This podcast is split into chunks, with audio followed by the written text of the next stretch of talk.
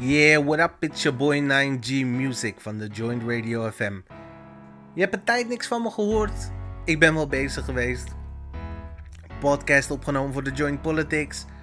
Uh, ook nog mijn Beat Challenge heb ik gedaan. Dus ik ben druk bezig geweest en zelfs eigenlijk met een remix voor de jeugd van tegenwoordig. Op het moment zijn de Salto Studios gesloten, dus vandaar record ik vanuit huis uit.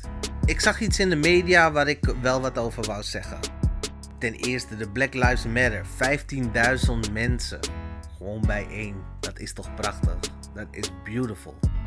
Het is op het punt dat de politiek het niet meer kan negeren. Ze moeten zich aanpassen. Ze moeten luisteren. Dit is een movement die gewoon echt gigantisch is. We won't be silenced anymore.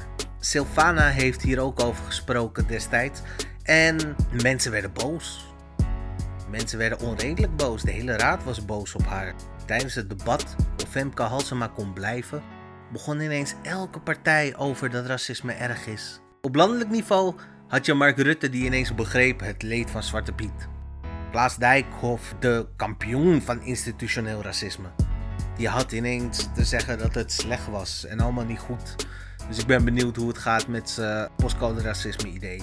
Good luck with that. Het is een hele tijd in de politiek zo geweest dat alles gezegd mocht worden. Dit begon met Pim Fortuyn en daardoor heb Geert Wilders en Thierry Baudet deze intrede kunnen maken. Echter is het nu zo dat politici zich beseffen van je kunt niet als raaklinks maar roepen en daarmee wegkomen.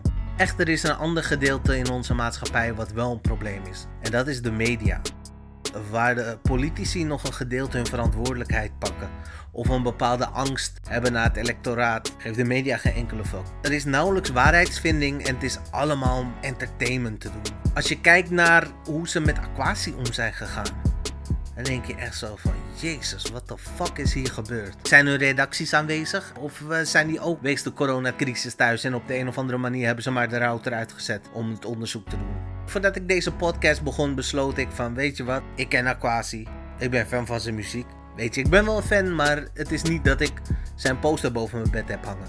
Dus ik dacht van, laat me wat research doen voor de zekerheid. Dus ik begon met het eerste. Ik ga naar de website van Aquasi en ik zie gewoon alles wat deze man doet. Niet zoals de media hem hebben proberen neer te zetten als een rappertje. Nee, alles. En wat je ziet in zo'n situatie is dat Nederland heel goed is in mierenneuken. Een hele speech van Aquasi pakken we alleen dat stukje eruit. Ik trap Zwarte Piet op zijn bek. Echt bizar gewoon. Er werd vooral geklaagd over zijn toon. Toon was niet goed. Dit was problematisch. Echter heb je wel naar de man geluisterd. Ben je naar YouTube gegaan? Heb je Aquasi ingevoerd? Want dan zou je uitkomen op laten we het er niet over hebben. Waar de toon precies nog fucking hetzelfde is.